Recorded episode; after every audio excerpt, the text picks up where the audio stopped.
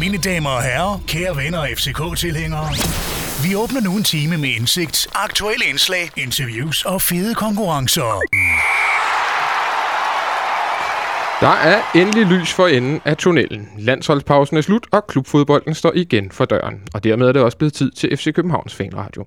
I dag forventer vi ikke, at Ståle Solbakken kigger uanmeldt forbi, men mindre kan også gøre det. Jeg har tre toptændte gæster i studiet, der ser frem mod weekendens runde i Superligaen, og i særdeleshed på vores kamp på søndag mod OB, som vi piskede pisket til at vinde.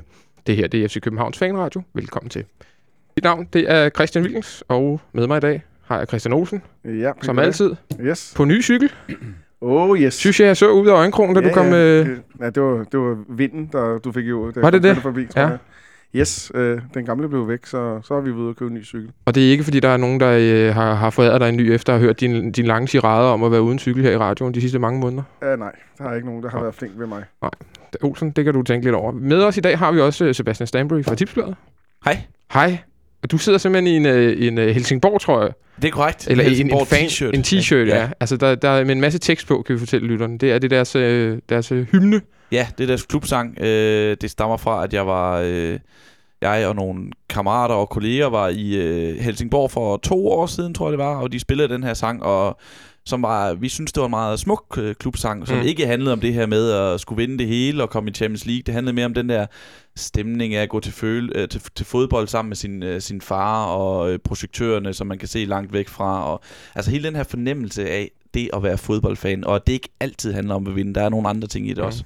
Og så kunne man købe øh, en t-shirt med teksten i, øh, i fanshoppen, så det gjorde jeg. Og det gjorde du. Det er Ja. faktisk meget, det, det er et gammelt faldefærdigt stadion, synes jeg, de har. Men det er meget hyggeligt alligevel. Ja, det, måde. det, det, er, det, det er faktisk en sjov oplevelse. De har jo øh, Rio Kalle, deres øh, målmand fra, øh, fra VM 1954, øh, 1950, stående ude foran på som en statue, og øh, det, det synes jeg, det er rigtig fint. Jeg var derovre at se en træningskamp, vi spillede for nogle år siden. En uhyggelig kedelig 0-0-kamp, men, men i dejligt vejr. Det er rigtigt, det er en, en god lille tur til, til Helsingborg. Og så er det vist i øvrigt, er det ikke nogen af vores, øh, nogle, nogle af vores unge, vilde folk nede på sektion 12's øh, venner? Rygterne siger, hvis de blev uvenner eller sådan noget. Nå, ja, det skal vi ikke ind i. Det, det, det, det har vi Jeg er ikke ikke sikker. på. Sidst, men ikke mindst, Thomas Klingby, velkommen til. Tak for det. Du har, øh, du har været med i radioen før. Det, vi sad faktisk lige og snakkede, Jonathan og jeg, der sidder ude i teknikken, om, hvornår det sidst var. Det, det er et stykke tid siden. Var i forbindelse med landskamp mod Italien, tror jeg. Det er rigtigt, for vi var, ude- den så vi på balkongen bagefter. Det må vi ikke sige højt, det gjorde vi alligevel, men det gjorde vi faktisk. Ja, det var hyggeligt. Det var, det var rigtig hyggeligt. Thomas, du er øh, udover at arbejde øh, for, for DR øh, og have en øh, utrolig sprød radiostemme, så er du også, øh, så er du også træner for et øh, DAI-hold, FC Comfort. FC Comfort. Og, Ja. og øh, hvordan, går det, hvordan går det med jer i år? Jamen, vi har altså i forberedelse til min øh, optræden i studiet her i, i dag, så har jeg sådan method acted lidt. Øh, så vi har tabt fire kampe på stribe øh, og scoret et mål, øh, så jeg virkelig kan, kan mærke, hvordan det er at være Morten Olsen og Ståle Solbakken. Og hvordan er det så? Det er ikke særlig fedt. vi, vi håber på, at du øh, med, med den her øh, optræden i, i radioen lige får knækket kurven, øh, og håber i samme moment også, og måske lidt mere, at, øh, at vi selv gør det her i FC København, øh, og, men også for FC Comfort selvfølgelig. Øh, det, det, det kunne være fedt, hvis I, hvis I nu går mod bedre tider begge hold, ikke? Og det, det har vi lidt brug for. Helt sikkert. Vi skal, øh, vi skal tale lidt om, om FC København selvfølgelig, også om, øh, om Superligaen generelt. Vi skal jo til at spille fodbold igen øh, i, i Superliga-regi for første gang i et par uger, og har nogle spillere, som forhåbentligvis også er klar igen en Benjamin Verdic. Øh, Verbic. Jeg ved- kender ham altid Verdic, jeg ved ikke hvorfor, men det, det gør jeg. Øh, og se lidt øh, på situationen før kampen på søndag mod OB. Og så kommer vi også til at tale en lille smule om, øh, om landsholdet, som jo var igennem to rimelig... Øh, at det, var, det var to meget lange øh, kampe, øh, de spillede der. To, øh, nogle gange kan 90 minutter føles rigtig længe, og det synes jeg lidt, det gjorde i de her 2-0-0-kampe mod henholdsvis øh, Albanien og Armenien. Men vi skal tale lidt om, om perspektiverne for landsholdet generelt, og EM-kvalifikationer, og også måske, hvem, øh, hvem der skal afløse Morten Olsen om et års tid, når han jo stopper som landstræner. Og der er måske kommet nogle nye emner her det sidste stykke tid, med nogle, nogle især nogle svensker, der har gjort det, eller en svensker, der har gjort det meget godt. Og en nordmand. Og en nordmand sådan set også. Der er også kommet en amerikaner ind i billedet. Der er det, alt det, det, det, det tager vi lidt senere. Men først synes jeg egentlig bare, at vi skal øh, springe ud i lidt Superliga-snak. Olsen, øh, det er OB på søndag. Yes. Vi er jo lige pludselig, eller lige pludselig, lige pludselig, vi er jo presset. Vi har kniven for struben for en gang skyld øh, tidlig i sæsonen af, af 8 point efter Midtjylland. Godt nok med en kamp i hånden. Men vi har jo ikke, vi har tre hjemmekampe i træk. Vi har jo ikke råd til at sætte point til nogen af dem. Har vi det? Nej. Nej. Så ja, tak for i dag. det var hurtigt. Nej, det har vi ikke. Øh, og det burde vi heller ikke gøre.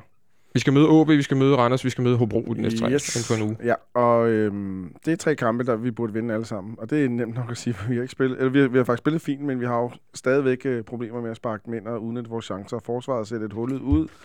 Så, og, og Ståle har ikke været på træningsbanen med holdet. De har lige haft et par dage her, så det, det er rigtig dejligt. Men når det nu er sagt, så, øh, så skal de vindes. Og øh, OB kan vi jo starte med her på søndag. Det bliver en... OB's svinger lige så meget, som OB gør, kan man sige. Og Mm. OB har vi lige tabt til. Og OB tabte jo 5-1 til, til OB, så... Så vi taber, ja, vi taber med et par stykker. Ja, i den runde, der tabte OB jo på hjemmebane til Randers. Ja. Så, øh, så OB virker som et hold, der kan alt, alle mulige mærkelige ting. Så var de i en pokalkamp i går mod Vendsyssel med et lidt reservehold. Har lidt problemer på nogle enkelte pladser. Hvor har de problemer? Øh, så vidt som jeg kan forstå, øh, Kennedy Emil Petersen og Kasper Risgaard skulle være lidt tvivlsomme. Okay. Og meget kan man sige om de to, men Ka- Kasper Risgaard er i hvert fald sådan en fox in the box, en, god. øh, en, en spiller, der trækker holdet med. Og Kennedy Emil er forsvarslederen, så det kan vi jo, eller lederen af forsvaret, tror jeg. Mm. Så det kan vi jo håbe, at det, han ikke er med.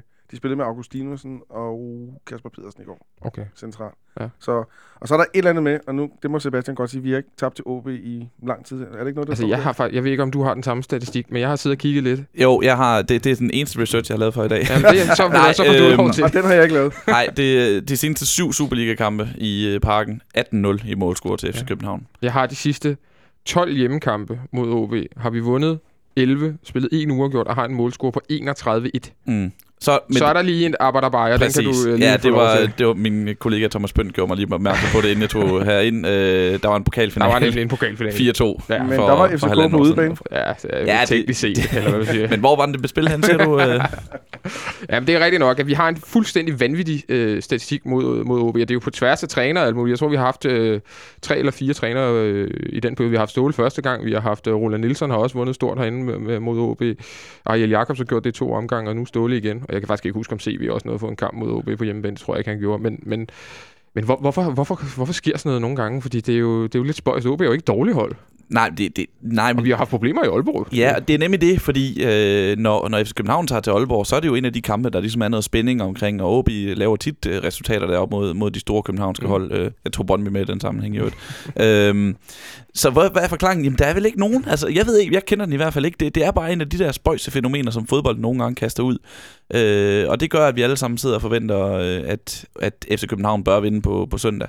Og så er det så, at på et eller andet tidspunkt, så knækker sådan en kurve jo, og så, Mm. så vinder OB 2-0.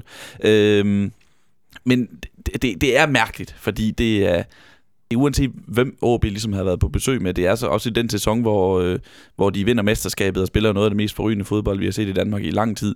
Da de kommer herind i parken, så får de et tæv, var det ikke 3-0 den ender i efteråret 2013? Jo. Øhm, så, så, så ja, det, det, er, det er jo ikke bare tilfældigheder. Det er jo, der er jo tale om tendens, men hvad den her tendens der ligesom kommer fra, det ved jeg ikke. Jeg tror faktisk, den her stime på de 12 hjemmekampe startede, det, da de vinder mesterskabet i... Øh, Forrige gang. 2000 Ja, forrige gang. Hvad har det været? 2008. 2008.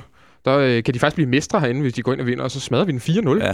Altså, og der var, jeg kan huske, at der sad øh, ja, over 1000 OB-fans oppe i hjørnet på, øh, på, på A-tribunen. De havde fået et, et kæmpe hjørne deroppe, fordi de ligesom var gjort klar til, til guldfest, og så blev de ja, smækket ud af banen 4-0, og siden har vi ikke kigget tilbage, hver gang vi har mødt OB på der, en pokalfinale. Der var jo også øh, der var kampen i, i foråret, hvor der ligesom var lagt op til, at øh, alle vidste, at løbet var kørt for FC København, i og med, at øh, FC København havde tabt i Midtjylland, og nu var Midtjylland i, i, i praksis mestre. Så var ligesom lagt op til, at jamen, så kunne FC København lige så godt, lige så godt. Altså, det ville, det ville være meget logisk, øh, at der ville blive smidt point mod OB på hjemmebane i en efterfølgende kamp. Og så vandt, øh, så vandt øh, FCK 1-0 i den kamp, Mm. og var egentlig, som jeg husker, det var en ret kedelig kamp, Mm. men hvor, hvor Faran, sejren aldrig sådan rigtig var i fare. Så ja, vi får se. Thomas, det her øh, OB-hold, som, som Olsen var lidt inde på, jamen, så er det et hold, øh, som, som øh, kan vinde den ene uge og tabe stort den anden uge. Og det, øh, altså, måske lidt et billede på den her Superliga, der har været de sidste par år, at der er rigtig, rigtig mange hold, som er ustabile, og man slår hinanden lidt øh, på kryds og tværs. Hvad, hvad, hvad, hvad skal vi forvente, der kommer for, for Aalborg herind på søndag? Jamen, det er jo svært at sige. Altså, det er jo tydeligvis sådan en, en sæson, altså med øhm, de respektive kampe mod OB, for henholdsvis OB og FCK. Øhm, det, det er to runder i træk, ikke? Og sådan vidt forskellige resultater. Man kan ikke basere noget som helst på det. Øhm, man kan læne sig op af statistikken, tror jeg. Jeg vil, jeg vil hellere anlægge sådan et FCK-centrisk øh, perspektiv på det. Det må være tilladt i, Det er i- absolut i, i her. Øh, og så meget er, er jeg slet heller ikke inde i, i OB. Men de ser ud til at have fundet en grundstamme, som de har spillet med nogle, øh, nogle gange. Så er der så tvivl om, om Rigsgaard og Kenneth Emil. Det vil være to vigtige spillere for dem at undvære. Det, det vil da klart svække dem. Øh, men i forhold til FCK, så fornemmer jeg, at der er sådan en stemning omkring holdet i, at, at, at nu må det vinde. Altså den her øh, landskampspause også bliver brugt til at, at vinde båden, og, og nu skal der øh, point på kontoen. Øh, gerne de 9 point i de næste tre kampe inden for 10 dage, men i hvert fald øh, på søndag tre point mod, mod OB som jeg også personligt føler mig ret sikker på, men, men det er jo bare fornemmelser og vride knæet, hvad kan man bruge det til? Mm. Øhm, jeg, jeg, jeg tror, der, det, der er en fornemmelse, jeg ved ikke, om, om I deler den her, men at spillet har været til mere. Det synes jeg egentlig godt, det kan man godt diskutere, men, men jeg har da selv haft fornemmelsen en gang imellem. Øhm, jeg, jeg tror på, det handler også om indstilling en gang imellem, og jeg tror, at, at, at truppen er der, hvor de har hanket op i sig selv. Der er lidt positive, tilbagevendende nyheder, øhm, som godt kan, kan gøre godt for en trup også. Øhm, så jeg, jeg, jeg har tro på sådan en 2-0 sejr til FCK. Okay. Olsen, øh, 2-0, den køber vi selvfølgelig gerne, og, og uden at, endnu at, byde helt på, hvad, hvad resultatet bliver. Hvad, altså, hvad, hvilken type kamp bliver det? Bliver det også på bolden? Øh, kommer vi til at skabe lige så mange chancer, som vi i princippet har gjort de sidste, de sidste par, par runder? Øh, hvad, hvad, hvad, for, hvad forventer du øh, af os? Men det er problemet med, med den her model FCK. Man ved ikke, hvad man får. Mm. Øhm, du kan få en, en fremragende første 25 minutter, og så kan du få 20 minutter bagefter, som, som stinker helt vildt. Så, så, så det er jo, hvordan stiller Ståle op, hvem, hvem spiller, hvordan gør de dit, hvordan gør de dat og sådan nogle ting der. Så OB-kampen der, da der er spillet 10 minutter, der er jeg helt sikker på, at vi vinder den kamp. Mm. Øh, det gjorde vi så ikke. Men er du enig med Thomas i, at der har måske været... Ja. Altså, vi, ja. er, vi er 3-4 point, 2-3-4 point under det, vi i princippet har haft øh, hvad kan man sige, spillet til. Så burde vi have haft det et jeg, par jeg, mere. Jeg er fuldstændig, jeg er fuldstændig enig i det, Tom, Tom øh, siger. Hvis, hvis, jeg, hvis man køber præmissen om held og uheld og dit og dat og sådan nogle ting, for, øh, og den køber jeg også selv, fordi jeg synes også, vi har haft til mere.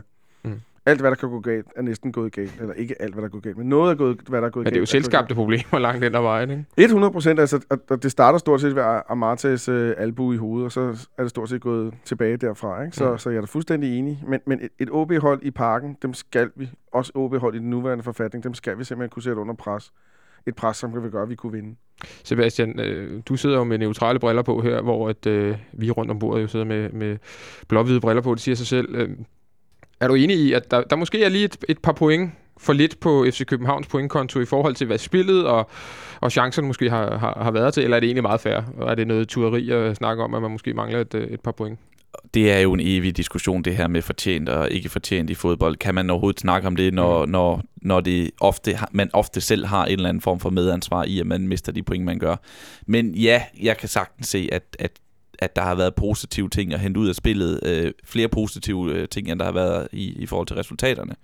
Øh, jeg var selv, jeg sad selv på, på langsiden øh, kampen mod AGF, og det, altså, det er jo for det neutral er det fantastisk, når en spiller dukker op to minutter før tid og banker et saksespark i mål for, for, for hvis man er fan af det hold, som det går ud over, så er der, findes der ikke noget værre end sådan et, et, et lucky punch, øh, som, selvom det var Nordstrand, som har, har en tendens til at lave de ting der, mm. øh, det, det, altså, som det jo var, fordi Nordstrand skulle aldrig Superliga-mål længere, så hvor kom det fra? øhm, øh, Ja, altså der, der FC København både burde og kunne have fået flere point ud af de seneste par kampe. Det var jo også, altså de, at spille med 9 mod 11, det er jo også bare et, et freak accident, øh, i hvert fald de 9 mod 11 mm. i, mod FC Nordsjælland. Ikke? Mm. Det, det røde kort var, som det var, men at man så derudover får en skade og skal spille så lang tid, øh, uden, at, uden at kunne skifte en mand ind i stedet for, det er jo, det er jo det er force majeure. Mm.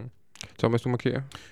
Jamen i forhold til det, som øh, Sebastian siger, fordi det er jo øh, helt sikkert et, et, et lucky punch og lucky, lucky kick fra, fra Nordstrand, at han på den måde scorer et mål på det tidspunkt.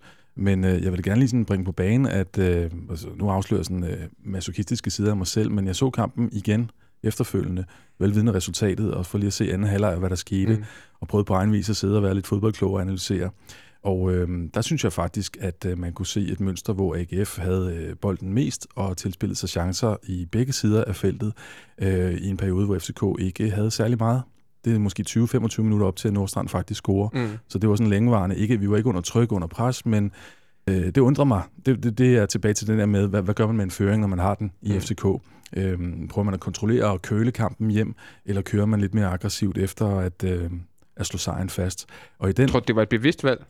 Altså, at det, man trak sig lidt tilbage på banen og mm, nej, øh, nej, overlod det, det, tror jeg, det tror jeg faktisk ikke, men der er mange ting, jeg synes, man kan, man kan være i tvivl om på den konto. Jeg synes bare, jeg lagde mærke til, at man satte bolden på spil, som man siger rigtig mm. mange gange. Det var lange udspark fra Stefan Andersen op til en duel, som så, øh, de, de, da Cornelius var på banen, han vandt faktisk rigtig mange af dem, men ellers så blev den tabt øh, rigtig hurtigt, og så kunne man så forholde sig til at skulle forsvare over for, øh, over for AGF igen. Så på den måde var det ikke på den måde var det ikke et lucky punch, Mm. mm. at AGF scorede. De havde i hvert fald chancer før det.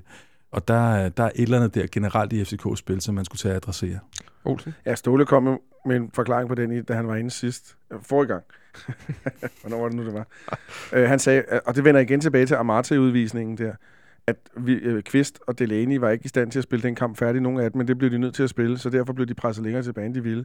Der havde det jo også været fint, hvis man havde haft Amarte at kunne starte ind med ham, mm. og så sætte William Kvist ind, når presset kom, for at ligesom bøje presset af. Så, så der har været noget om det, at, at, at han godt vidste, at de faldt sammen i den kamp. Mm. Mm. Og øh, han nævner også deres 2-2-mål, og han sætter Remmer over på venstrekanten for, at øh, Åbæk ikke må gå ind i banen. Mm. Og så gør han Det er det. præcis det, der sker. Og det er præcis det, der sker. Ikke? Ja. Ja. Så, så, så udskiftningsproblemer, kan man sige, et eller andet, og så koncentrationsfejl for folk, der bliver sat ind. Men, men også lidt, lidt undrende, at, øh, lidt undrende over for, at, at man, man tager det lange udspark hver eneste gang. Men det tror jeg, det er noget, man bliver presset i. Ja, de gik højt på op på, Ja, så kan du ikke spille den ud, jo. Jeg, jeg, jeg synes ikke, man forsøgte. Okay. Det vil jeg sige. Ja.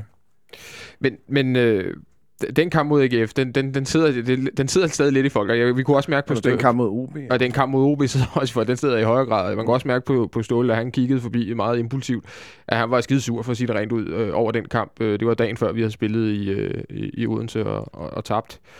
Øh, så vi skal tilbage på rette spor nu, og så er en af spørgsmålene så, hvordan vi kommer til at at stille op. Øh, der har jo været nogle spillere på landsholdspause. Vi har Daniel Amatei øh, øh, med igen, ligesom vi havde i Odense. Hvor tror du, han kommer til at spille, Sebastian? Tror du, at øh, han bliver puttet ned i centerforsvaret ved siden af Sanka, eller, eller bliver det op på midten? Ja, jeg, må- jeg må sige, jeg har ikke set de, de svenske landskampe, som, øh, som der har været snak om, at øh, Michael, Anders, Michael Antonsson skulle have efterladt et øh, voldsomt dårligt indtryk mm. for de kampe. Øh, men hvis han har været så dårlig, som det, det siges, og det er jo heller ikke, fordi Antonsson har overbevist synderligt voldsomt i, øh, i de seneste par Jeg tror godt, vi kan sige, at han er ikke overbevist Nej, overhovedet. Overhovedet. Det er rigtigt. Nu vil jeg bare være en lille smule øh, hvad hedder det, Diplomatisk. dip- diplomatisk i, min, i mit udtryk. Det har han jo ikke. Så, øhm, og vi har jo, man, der har været utrolig meget snak om det her med, hvordan får man plads til de her tre spillere ind på midtbanen. Mm. Det, der er den simple løsning jo øh, at smide Amarte ned i midterforsvaret. Synes du også, det er den rigtige løsning? Altså, kan du se ideen med det? Jeg kan sagtens se ideen med det, i og med, at man får en, øh, man får en klassespiller ned i forsvaret. Det, så har jeg altid det der med at sætte midterforsvar, eller øh, hvad hedder det, midtbanespillere dernede, at man, man hæmmer jo lidt deres, den her, den påvirkning, de kan have af kampen. Altså det drive, de kan sætte på en, på en fodboldkamp, og den, det initiativ, de kan have. Øh, og Amarte kan jo mange ting, øh, også offensivt. Øh. Mm. og, og det vil man jo klart hæmme, hvis man sætter ham ned i, i, i midterforsvaret. Altså, øh, Olsen, jeg ved ikke, om du så de svenske kampe, men vi kan jo, Jo, vi kan jo lige, også lige sige, at de taber 1-0 i Rusland, øh, og så øh, et par dage, siden, eller et par dage senere taber de 4-1 hjemme ja. i, øh, i Stockholm til, eller er det ikke i Stockholm, de spiller vel, øh, til, til, øh, til så, Østrig. så begge to. Og Anton har spillet begge to. Yes, og han spiller ikke særlig godt. øh, jeg er meget enig med Sebastian, men en, en sjov detalje ved, ved... Nu ved jeg ikke, om vi skal snakke Antonsen eller svensk fodbold lige pludselig. Men en sjov detalje, kom, det er en, det, en, det, er- der er en, en sjov detalje ved det svenske hold, i hvert fald i, i Rusland, det var, at de spillede væsentligt bedre uden Zlatan end med Zlatan. Mm. Og i, øh, oppe i Stockholm mod Østrig bliver de kørt ud af et sindssygt godt østrigsk hold. Det er altså Bundesliga-spillere, Premier League-spillere, Mm. som ved, hvad de skal. Det var en, der var et nyt hold, der kom på banen. Det var ligesom at få sådan et... Øh, what? Er det det nye Belgien? Er det det, der, som Mm, folk kommer til Nej, at sidde for, det tror på? jeg ikke. Det tror jeg ikke, fordi de, de er et par år ældre, de fleste spillere. De, de er i deres, i en moden alder, mange af spillerne. Så, øh, men det er et godt hold. Og Og, og, og så har de Alaba på midten, som, øh, som er en rigtig dygtig spiller. Og det er rigtigt, Antonsen var bare generelt skidt. okay. Hvad synes du så, der skal ske på søndag? Altså, hvad, hvad, er det ja, det, ej, det har jeg sagt. Jeg er fuldstændig Amarte nede i forsvaret. Så må man give kø på det, som Sebastian nævner på midtbanen, for at få stabiliseret forsvaret. Så får du noget, får noget fart, du får noget, du får noget, hvad hedder det, noget, øh, noget fysik, Mm. du får noget, en, en spiller mere, der kan føre bolden frem. Han, han, er, en, han er mere sikker end Antonsen, så jeg, den er jeg 100% på. Og så må Du får man, også, selvom han har spillet øh, midterforsvar i den svenske liga, får du vel også stadig en, en spiller, som er en lille smule uskolet i, i, Jo, i forsvarsspillet. Ja, det er rigtigt, men han spillede forsvar for Ghana, da han var nede og spille ja. her sidst jo, så, øh, så han ved nok godt, hvad det handler om. Men, men jeg vil godt give køb på, på den der, de der procentdel på midtbanen, fordi jeg synes, de procentdele, vi får igen i forsvaret, de er, de er større. Thomas, det vil jo så også betyde, hvis Amate bliver rykket ned i midterforsvaret, at vi får et, øh, et ret hurtigt midterforsvar. Sanka er jo heller ikke øh, langsom på nogen. Han er faktisk øh, ret hurtig. Og Matej også. Det vil betyde, at vi kunne skubbe spillet, øh, eller, baglinjen, eller bagkæden lidt øh, endnu længere frem på banen. Kunne du, kunne du se en idé i det? Ja, ja, helt sikkert, og, øhm, og jeg er da også enig med de to, øhm, men mener, der afhænger meget af, hvor, hvor, hvor slidt Antonsen er. Altså meget slidt ser det ud til for tiden. Og jeg ved ikke, hvor meget det er sådan en nedadgående kurve øhm, for en ikke særlig ung spiller, eller hvor meget det trods alt er en, en, en fase lige nu. Men det må være hans øh, form, der afgør det. Altså, fordi Amati generelt øh, skal ligge på midtbanen, øh, synes jeg. Men altså, hvis øh, Antonsson er, er inde i den her skidte periode, så fint med Amati i forsvaret, og, og det kan man klart øh, bruge til noget fornuftigt i forhold til deres øh, deres speed øh, og få noget mere bevægeligt øh, passningsspil helt ned, helt ned fra bagerste række. Det, vil, Mm. det vil være fint. Nogle andre spørgsmål, der også presser sig lidt på, det er, øh, hvem kommer til at spille højre bak? Øh, Tom Hyggelig har også været afsted med, med det norske landshold, spillet vist øh, begge kampe, så vidt jeg, jeg husker for, for Norge. Peter Ankersen øh, har jo ikke været nogen steder henne. Øh, hvor, hvem, skal, hvem skal spille der? Ankersen, synes jeg, jeg synes, at man kan spore øh, mild fremgang øh, Mm. hos ham. Øh, den skal han lov til at fortsætte. Jeg har set ham komme, øh, komme forbi en mand i de gode gamle øh, en mod en rushes, øh, så mangler indlægget bare... Øh, De mangler ret meget, ikke? ret, de, ikke bare med England, England, England, de mangler kvalitet. Ja. Helt sikkert. Men jeg, jeg synes, at man sporer lidt fremgang der. Sebastian, så som jeg husker Peter Ankersen i Esbjerg, så slog han nogle fine indlæg. Han, han, han lavede også nogle fantastiske mål, og mm. Havde i det hele taget en god fod der. Jeg ved ikke, om han har glemt nede i, øh, i, i Østrig, eller hvad, for altså, hans indlæg har ikke været overbevisende indtil videre. Nej, det, det, det, det er rigtigt. øh, Vi har, vi har ikke set noget til den her sparketeknik. Jeg synes heller ikke, vi har set... Altså, i Esbjerg var han jo en af de mest dominerende spillere i ligaen. Altså, Mm. mm. han kunne jo... Øh, altså, til tider gjorde han jo, hvad der passede ham. Altså, han, det er ham, der sender dem i Europa League med to mål mod Saint Etienne. Det er... Øh, det er, det, det, han, han afgør også en kamp. Jeg mener, det er mod Elfsborg, hvor han øh, dukker, lige pludselig dukker op over i venstre siden, sætter en mand, og så sætter et fladt indlæg ind foran mål, som de scorer på øh, i en af deres Europa League-kampe. Øh, og den, er, den Ankersen synes jeg, vi mangler at se. Til gengæld så har vi stadigvæk fået den Ankersen at se, hvor der er nogle huller defensivt en gang imellem. det, det, det har han ikke glemt øh, at, at lave de defensive fejl. Jeg synes jo, Ankersen, jeg er så stor fan af Ankersen. og Du, jeg synes, han, har også, han har også spillet i, han, i han Vejle. er jo, han har, Og du- altså, ja, og der du var- er jo Vejle, du er Vejle mand, det, ikke? Så du kom, må det kommer vi ikke udenom. Ja, og jeg, jeg, jeg så ham, øh, hvor han jo var en åbenbaring. Ja. Øhm, spil, han var noget så sjældent som en venstre bak, der han spillede venstre bak dengang. Og øh, som, som trak ind i banen og sparkede på mål. Altså, hvem, hvem gør lige det? Men der var, der var så meget drev i ham, og det, er der, det, det har han stadigvæk. Det der med at komme frem af banen, øh, have initiativ, lave tekniske detaljer. Sådan en bak vil jeg øh, også bare for, for seværdighedens skyld spille med hver gang. Har du fornemmelsen af, at han stadig spiller med håndbremsen en lille smule øh, trukket? Ja, måske en lille smule. Altså det, det, han har også haft et, et, øh, et år i, øh, i Østrig, som var noget andet, end han nok havde regnet med, og hvad han ligesom havde, havde håbet på. Øhm, og øh, det, det, han, skal, han skal finde sine, sine fødder igen. Olsen, længere fremme på banen, der har vi jo lige pludselig øh, mange muligheder. Ja, altså, vi må gå ud fra, at Benjamin Ver- Ver- Ver- Verbic øh, er med i truppen, i hvert fald. jeg tror kun, det bliver bænken. Det bliver bænken til at starte med. Han, han var med i den her indtrænende træningskamp, vi spillede ude på tieren i, i tirsdag, så spillede vist øh, 45 eller en time, tror jeg. Ja, 45 ud af en time. Ja. Så, så det, det er for tidligt, øh, for tidligt at smide ham ind fra start, tror du? Ja. det synes jeg. Hvis nu han var klar. Så har vi et problem. Eller Ja. et, et positivt problem. Nu skal vi ikke klage over og, vores... og, øh, og hvis Kadri var klar, så havde vi endnu mere problem. Ja, og, og Kadri ser også ud til at, øh, Og at være der inden men- for en overskuelig fremtid. Men ikke? jeg er kæmpe fan af øh, Nikolaj Jørgensen på kanten. Ligegyldigt hvad. Jeg synes, han er, jeg synes ikke, han er særlig dygtig angriber. Jeg synes, han, han vandrer alligevel ud på kanten. Så Hvad var det, du så i Odense for eksempel? der, så jeg, dig? der så jeg et, et, første kvarter, hvor man kunne så noget af den gamle Nikolaj. Ind, trækker ind i banen, blander sig i spillet, Ruber Bolde får styrer spillet. øh, De kan slet ikke holde ham, synes jeg. Han skulle bare sparke... Øh, Han skulle bare sparke sparket et par stykker ind, og dit og dat. Og så øh, ham Nikolaj, ham så jeg faktisk også i landskampen i anden halvleg for Albanien og lidt frem, så jeg. Mm. Øh, udfordrende farlig og sådan nogle ting. Der lå han også på kanten. Så Men, han men skal ikke når- spille angriber. Men når Verbit så bliver helt klar, Ja. er klar, når han kan starte på bænken nu, Ja. men lige om lidt så er han 100% klar heldigvis. Mm. Og det er ligesom, det er hans plads. Så, så er det vel Nikolaj Jørgensen i, i angrebet igen. Ja, hvem skal så ud deroppe fra? Ja, der er, altså, det, den er angriberen, der ikke scorer, det, er- det er jo begge to. Ja, det- Så, Men Så- så, tror du også, det bliver Cornelius og Santander i angrebet på, øh, Er på det- søndag? ja, det tror jeg. Det er jeg ganske sikker på. Øhm, netop fordi der ikke er nogen alternativer til venstrekanten endnu. Men det er da rigtigt, når Verbitz melder sig 100% klar. For han efterlod jo et ganske positivt indtryk de første mange gange, han var med. Det må man sige. Og det ville være dumt ikke at få prøvet ham af. Så, så, men det er, jo, det er jo et dejligt luksusproblem. Øh, men jeg tror, i udgangspunkt, så tænker jeg faktisk, det er Cornelius, der ryger på bænken. Når alle er klar? Ja. Okay. Jeg tror rigtig gerne, Ståle vil have spillet ham Santander i gang. Og så tror jeg, at han ved, at øh, Nikolaj har så mange matchvindergener. Hmm. Mm. Altså han er bedste spiller på holdet, kan man Mm. sige, når det klikker. Ikke? Mm. For øvrigt, så, jeg mener, det var Fjeldgaard, der havde en lille bemærkning om Nikolaj Jørgensen. Jeg ved ikke, om der var nogen andre, der lagde mærke til den. Nej, det har jeg ikke set. Han åbenbart, øh, han har en idé om, at Nikolaj Jørgensen spiller bedst, når han tror, han er den bedste. Ja.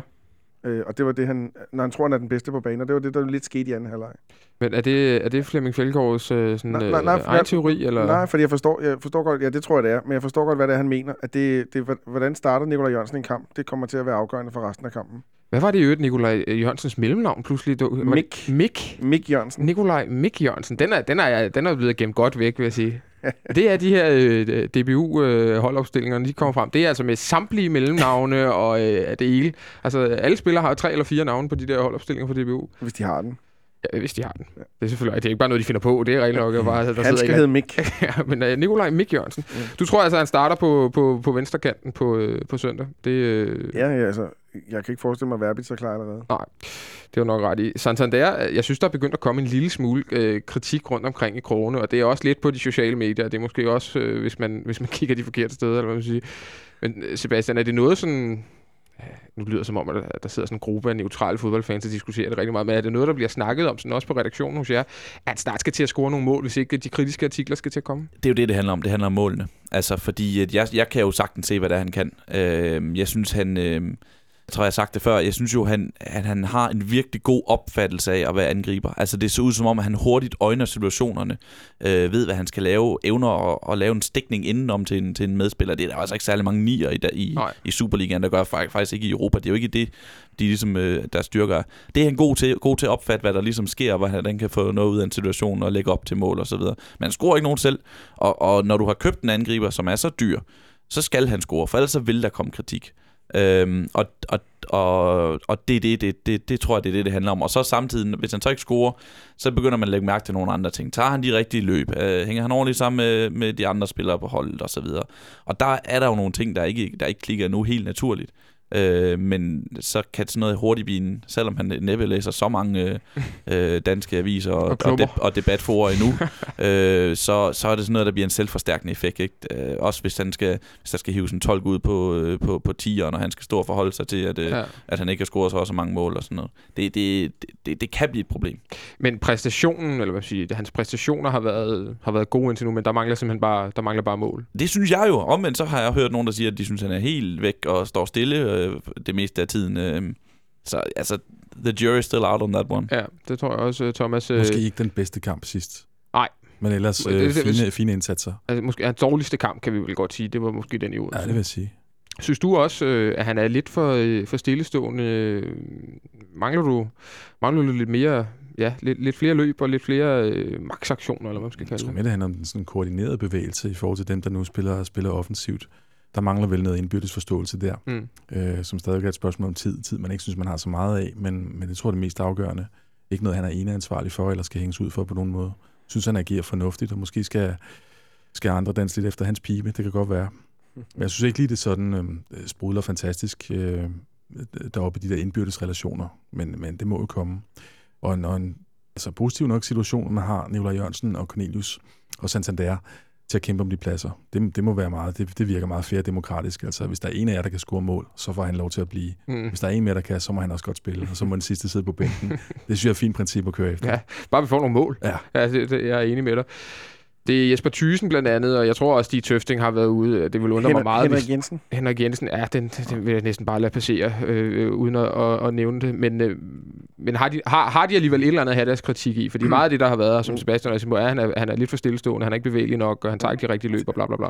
Ja, selvfølgelig. Og han scorer ikke mål. Mm. Han har ikke scoret nu. Han har scoret i, i Europa League. Euroleague. That's it.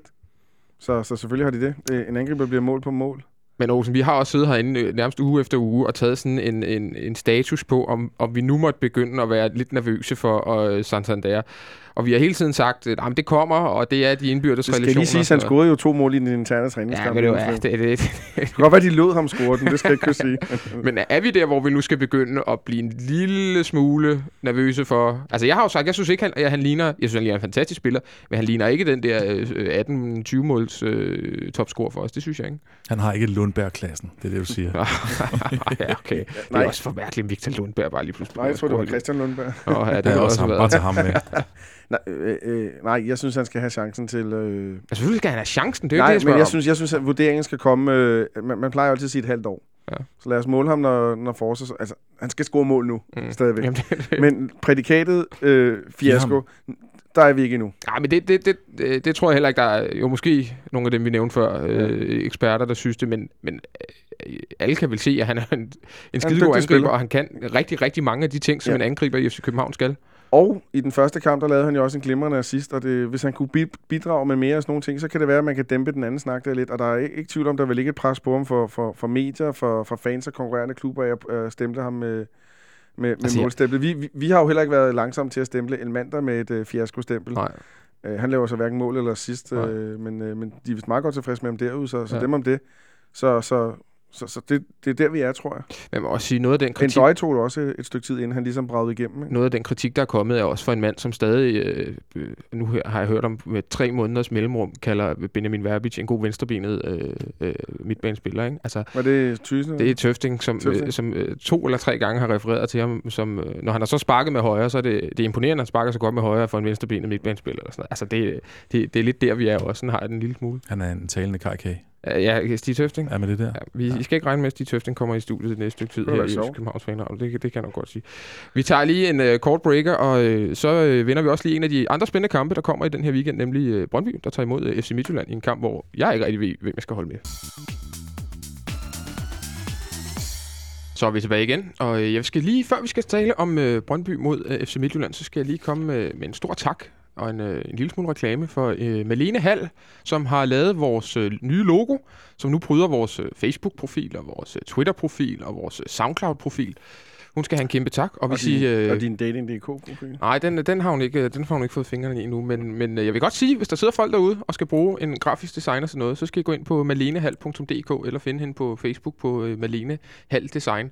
For hun er rigtig dygtig og skidesød, øh, skidesød da, og hun har været pissegod til at lave det her øh, til os. Vi, vi er super glade for det, så tak skal du have, Malene.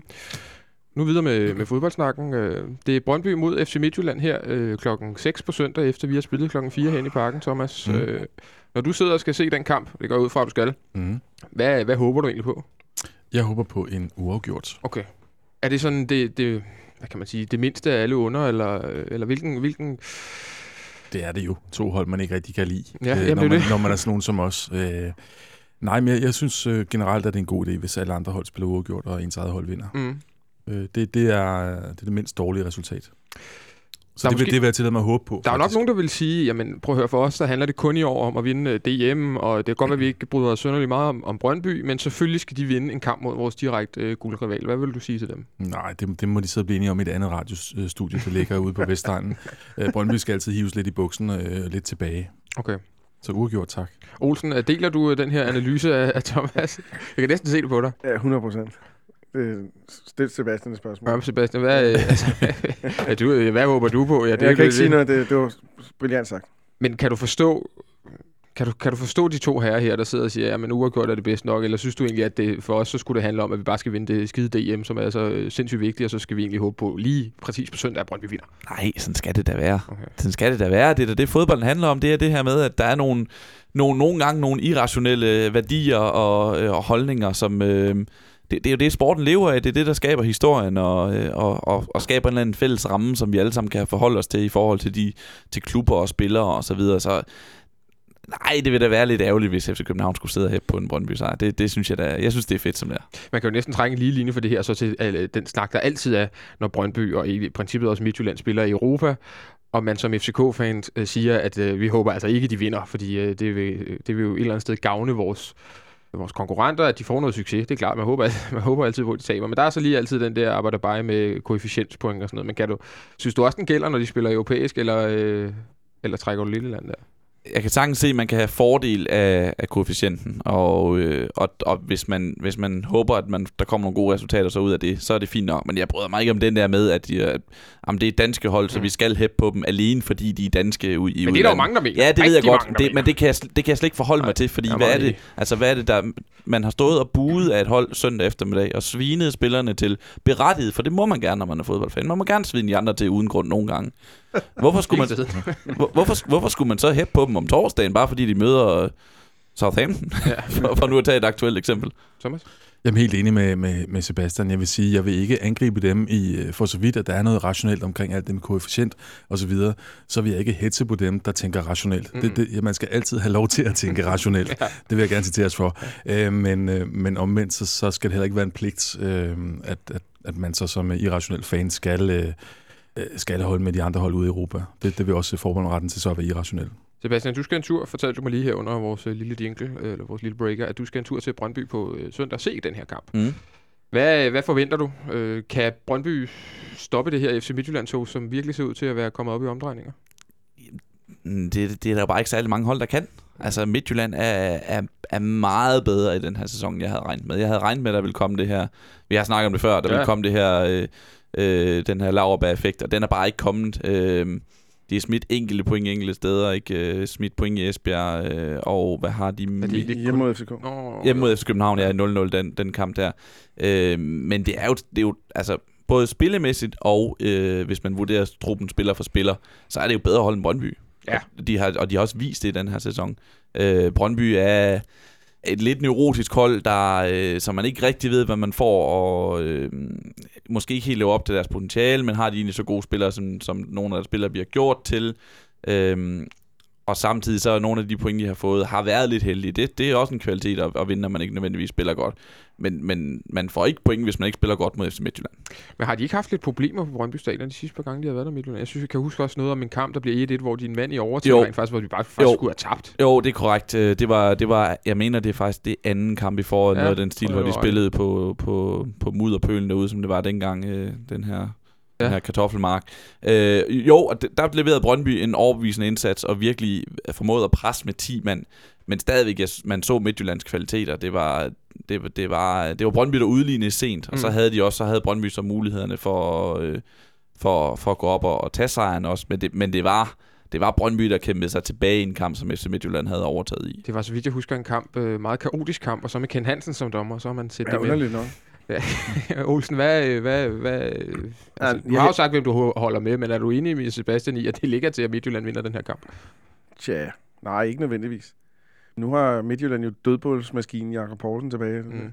Som ikke har lavet andet end at slå dårlige dødbold ja, i to landskampe. Og det er lige præcis det. Nu har han øvet sig i 130 minutter, så nu må de der sidde der på søndag. Det er ikke i tvivl om. Jeg, jeg, jeg siger, at Midtjylland laver mindst et mål på dødbold. Ja. Den kommer bare. Den, den må give 1-10 eller sådan noget igen, ikke? Men jeg er da enig i, at, øh, jeg er enig i, at øh, Brøndby har, at den burde ligge til en Midtjylland sejr. Det, øh, et Brøndbyhold, som går lidt frem, og hvis et Brøndbyhold går lidt frem, så, så er det lækkerbissen for Midtjylland, for de er rigtig gode på omstillinger, og så går Brøndby lige ind i den åbne kniv, hvis de bliver ved med det, og så vinder de den ganske sikkert, det er Midtjylland 2-3-1 eller sådan noget lignende. Det kunne være et scenarie, og det er sådan faktisk, kunne jeg godt forestille mig, at det bliver. Det kan også blive en fight. Nu ved jeg ikke, hvem der skal være dommer, men det kunne vi jo lige finde ud af mm. bagefter. Mm.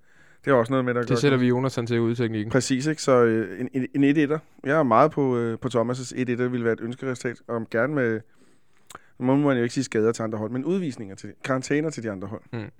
Det er klart, at det, det er jo det er en af de svære kampe for Midtjylland, en svær udbane at komme til Brøndby. Det er jo et af de steder, hvor de meget gerne må, må, må miste point, hvis vi skal, hvis vi skal hente den.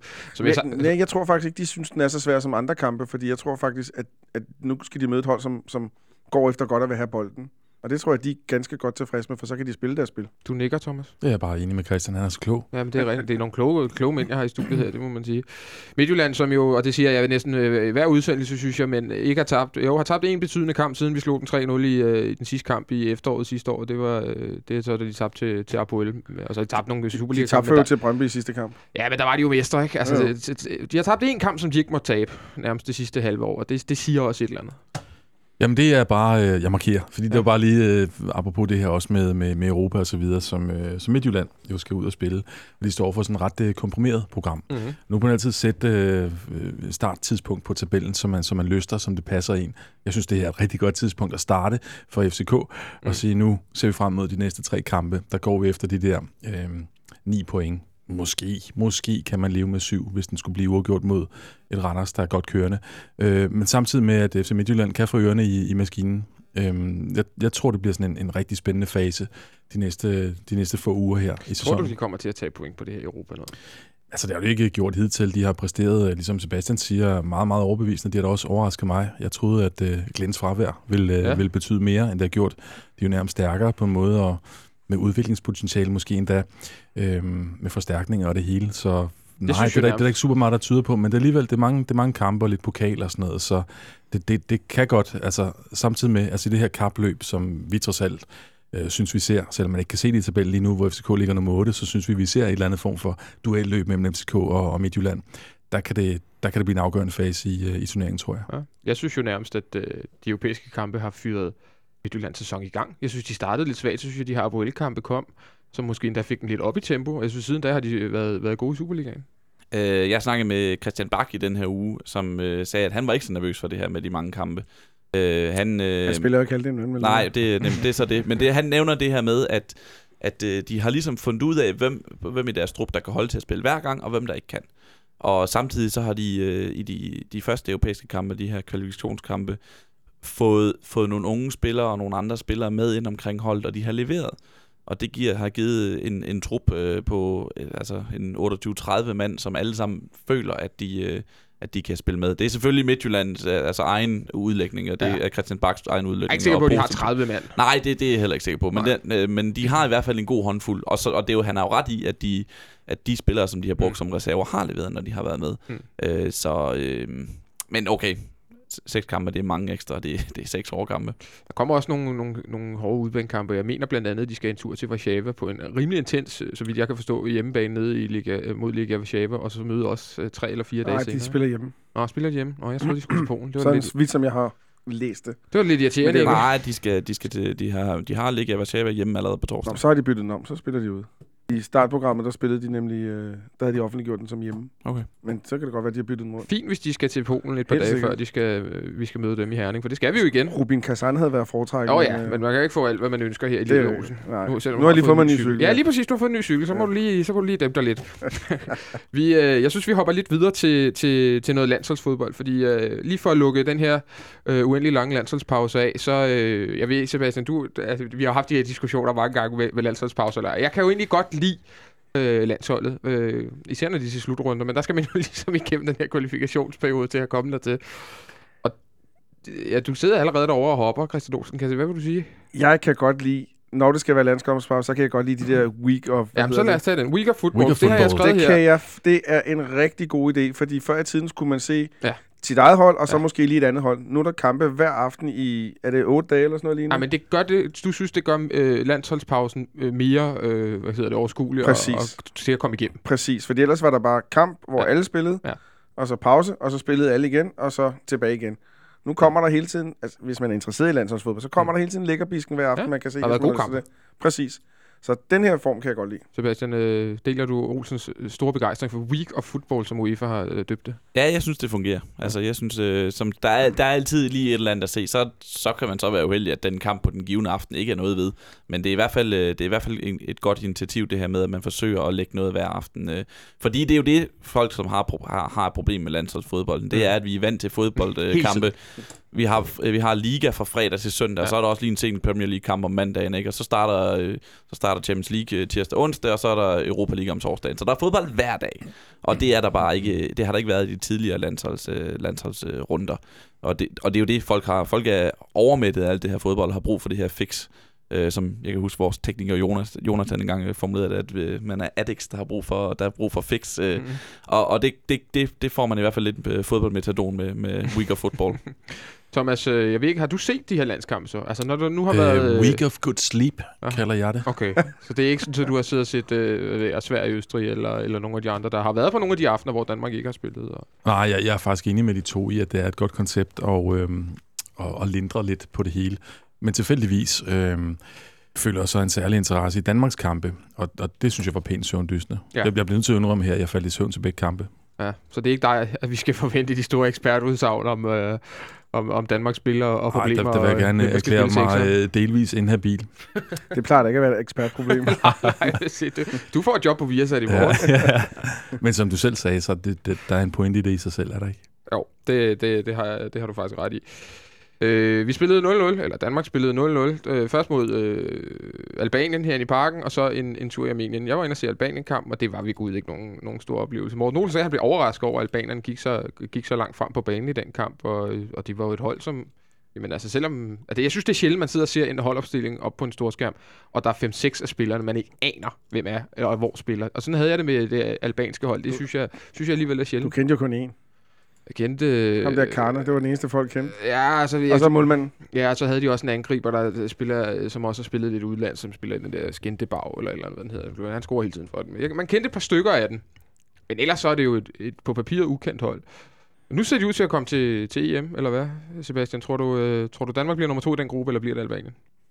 Det er godt nok et godt spørgsmål. Jeg, jeg, altså, folk snakker meget om det her med... Øh, folk lægger os lidt i lægger, sætter, sætter sin lid til, at, at Serbien bare kommer og vil, vil se blod i deres kamp mod, mod Albanien øh, i revancheopgør, i revanchen for det her famøse droneopgør. Mm. Men altså, som serberne har spillet i den her pulje, så kan det lige så godt være, at de siger, "F- fuck det. Altså, Vi vil bare hjem igen. Ja, kan vi, komme, kan vi, kan vi slippe? Altså, ja. kan vi blive fri for det her? Og så får de 90 minutter til at, overgå, øh, til at overstå så hurtigt som muligt, og så taber de 1-0. Og så, så er Albanien jo ret godt kørende. Men er det ikke, hvis Albanien får, øh, hvis de vinder en kamp, så er de vel, så er de vel videre. Er det ikke det? Men mindre vi går til, øh, til Portugal og vinder, og det er der vel ikke en store, der er vel ikke en stor tiltro til, at Danmark pludselig skulle tage til Portugal. Og selvom Portugal vil faktisk heller ikke spille særlig god fodbold i øjeblikket. Mm. Så vi skulle tage derned og, og vinde lige. Nej, det, øh, men, men det handler jo om, at, at man ikke tror, at Danmark vil kunne vinde ned i Portugal. Ja. Det handler jo ikke nødvendigvis om portugiserne. Øh, det handler om, at altså, hvor skulle den sejr lige komme fra? Ja. Ja. Hvor, altså efter den her, de her 180 jammerlige, kedelige minutter. Øh, ah, okay, de var, ikke, de var ikke kedelige alle 180 minutter. Men det var sådan, hvis vi sætter lidt, øh, taler med, stor, med overskrifter og store bogstaver, så, så var det godt nok ikke særlig meget ved. øh, ja, nej. Nej, jeg, jeg ved simpelthen ikke, jeg ved ikke, jeg ved ikke, hvad vi skal forvente af Albanien. Jeg ved det ikke. Thomas? Ja, Mr. Viasat blander sig lige her. Øhm, du, du, du snakkede om den store overraskelse ved at se Albaniens øh, landsholdstrup, men der var jo også stor overraskelse over at se, hvem øh, Morten Olsen havde valgt til at starte på banen. Mm. Hvad var du overrasket over? Øh, Pione Sisto, Ja. for eksempel. Jeg synes jo, det er overraskende, at øh, Sisto og Jørgensen, som jeg synes, faktisk synes ikke har været specielt gode, nogen af dem, i det her forår, de startede begge to. Jeg synes, Mm. det lignede to sådan lidt, ikke forsvage, men der er ikke spillere, der piker. Nej, så vidt jeg husker fra den øh, sidste kamp mod Albanien, var Morten Olsen også overrasket over, hvordan første halvleg forløb og, og skiftede så radikalt om i, Ja. ja. øh, i pausen. Har det været fordi, at de er de eneste to, der har spilminutter i benene, Sebastian? Ej, Er, er, er kant alternativ. Altså inden, inden kampen snakkede man jo om, at, at det virkede faktisk som en meget god idé, det her med, at øh, man forventede, at Albanien ville stå lidt dybt, og her havde man, øh, her havde man nogle, to spillere, som øh, med teknik og, og fart ville kunne sætte en mand på, på relativt lidt plads. Øh, og det gjorde de så bare ikke. Altså det- sidste uge, øh, sidste uge, jo, sidste uge sætter nogen en gang imellem, men der kommer ikke noget slutprodukt på det. Og det blev meget bedre, da han blev skiftet ud i pausen, og Yusuf Poulsen kom ind. Yusuf Poulsen ramte en af sine fremragende dage, og så er han farlig. Øh, men det er, jo, det er jo et kæmpe problem, at man i en hjemmekamp i parken spilder 45 minutter på, at man ikke har sat den rigtige opstilling. Det, det, ja, det, det, det kommer jo til at bare tilbage, tilbage på Morten Olsen, også selvom man sagtens skulle se hans resonemang inden kamp. Og så er der Kvist. Han blev også siddet ud. Uh, han fik Mm. mm. 45 minutter af de her to, to landskampe. Uh, det fungerede heller ikke, i hvert fald ikke mod Albanien uh, på, hjem, på hjemmebane, de der 45 minutter. Nej, det gjorde det godt nok ikke, og det var, det var jo det var godt nok mærkværdigt at sidde og se på, fordi øh, både Grundeli og, og Pierre Emil Højbjerg trak rigtig langt tilbage, ville have bolden langt tilbage, og så endte øh, øh, Kvisten i sådan en form for 10'er-rolle, eller hængende angriber, eller sådan et eller andet, og lå derop og, og skulle have bolden, og, og det, det, det, det kan han jo ikke spille, altså det ved vi jo godt, det er jo slet ikke hans rolle, og, og så fik han nogle, nogle dybe stikninger en gang Ja. imellem, som han ikke fik noget ud af, og så videre. Tror du, det har Øh. noget at gøre med, at Grundeli automatisk, øh, måske mere end han har gjort i sin karriere tidligere, søger dybere ned, også fordi han, spiller, han har spillet den rolle i Celta Vigo de sidste par sæsoner, og skal højst sandsynligt også spille den i Sevilla, i hvert fald lige til at starte med. Jeg tror, problemet var, at Pierre Emil trak så langt tilbage, Okay. som han gjorde. Jeg tror, det var det, der ikke var helt kalkuleret med øh, i forhold til, hvad man har regnet med. Det var, det var, øh, det, at de kan ikke begge to trække så langt tilbage, fordi så bliver Kvist skubbet frem, og det, det fungerede jo slet ikke. Okay. Så jeg synes egentlig ikke, det var, det var egentlig ikke, det var egentlig ikke som sådan Kvist skyld. Han gjorde ikke så meget øh, forkert, når han havde bolden, og, og, øh, og defensivt var det vel okay, øh, men, men, men sådan som kampen formede sig, så var man nødt til at, ligesom at gøre et eller andet. Jeg er fuldstændig enig, og for, for at snakke om noget helt andet, eller noget af det, som Sebastian sagde, øh, Pierre Emil Højbjerg. Jeg tror, han er et, sted i sin karriere, hvor han skal finde ud af, hvad, hvad, hvilken spiller han er. Mm. Fordi han bliver kastet rundt i sin klub, og han bliver kastet rundt på landsholdet. Hvor synes du, sekser? han er bedst? Jeg kan bedst lide ham som 8. Mm. Øh, Jeg synes ikke, han er disciplineret nok defensiv fejlblad, og til gengæld synes jeg, han har en, en, en, en sådan en rigtig tysker power, nu og ikke kun fordi han spiller i Tyskland, som en 8 felt til felt spiller, som blander sig overalt på banen. Der synes jeg, han er mest effektiv. Og så ligger der en anden spiller ned bag ham og fejrer op, hvis mm. det er den. Og så kan du spille med Eriksen foran ham, eller du kan spille med to, øh, to otter, for eksempel. Det kunne være Grundeli og Pierre Emil Højberg med, med ham bag. Ja. Øh, og, og, og det er det, det store problem, det er, at Pierre Emil Højberg ved, ved ikke, hvor han vil spille. Og jeg tror faktisk lidt selv, han vælger det. Mod Armenien var han så ret... Altså, der var det ham, der trak rigtig langt til, til, tilbage på banen. Og så synes jeg tit, han lå nærmest nede mellem med øh, Akker og Simon Kjær, da han stadig var på banen øh, og skulle føre bolden frem. Jeg synes, jeg synes Pierre Emil så tung ud. Altså, jeg synes, han lignede, jeg synes, han lignede en, der øh, var så, altså, træt ud. S- sikkert, men hvis du kigger på de der sådan, øh, midtbanespillere, han skal sammenligne sig med, nu kommer, kan jeg lige komme i tanke om Bastian Schweinsteiger. eller Ja, sådan noget, Tony Kroos Tony Kroos, øh, Emre Can for, ja. øh, for, for Liverpool. Det er de, samme kropsbygning, samme statur, samme øh, power. Øh, og de skal ikke ligge ned og lave småspil nede bag. De skal komme i nogle, i nogle lange, dybe løb, både med bold og uden bold, og op og være farlige der, hvor de er farlige. Og så, så er jeg sikker på, jeg er sikker på, at han, når det kommer til stykket, så er han nok hurtig nok og rimelig, rimelig effektivt. Men han skal ikke ligge dernede og lave det der småspil. Det bryder mig ikke om. Sebastian, hvorfor var det så herinde i parken, at han faldt så dybt ned i banen, og det var lige pludselig var William, der lå op øh, bag øh, Niklas Bentner? Altså, hvorfor...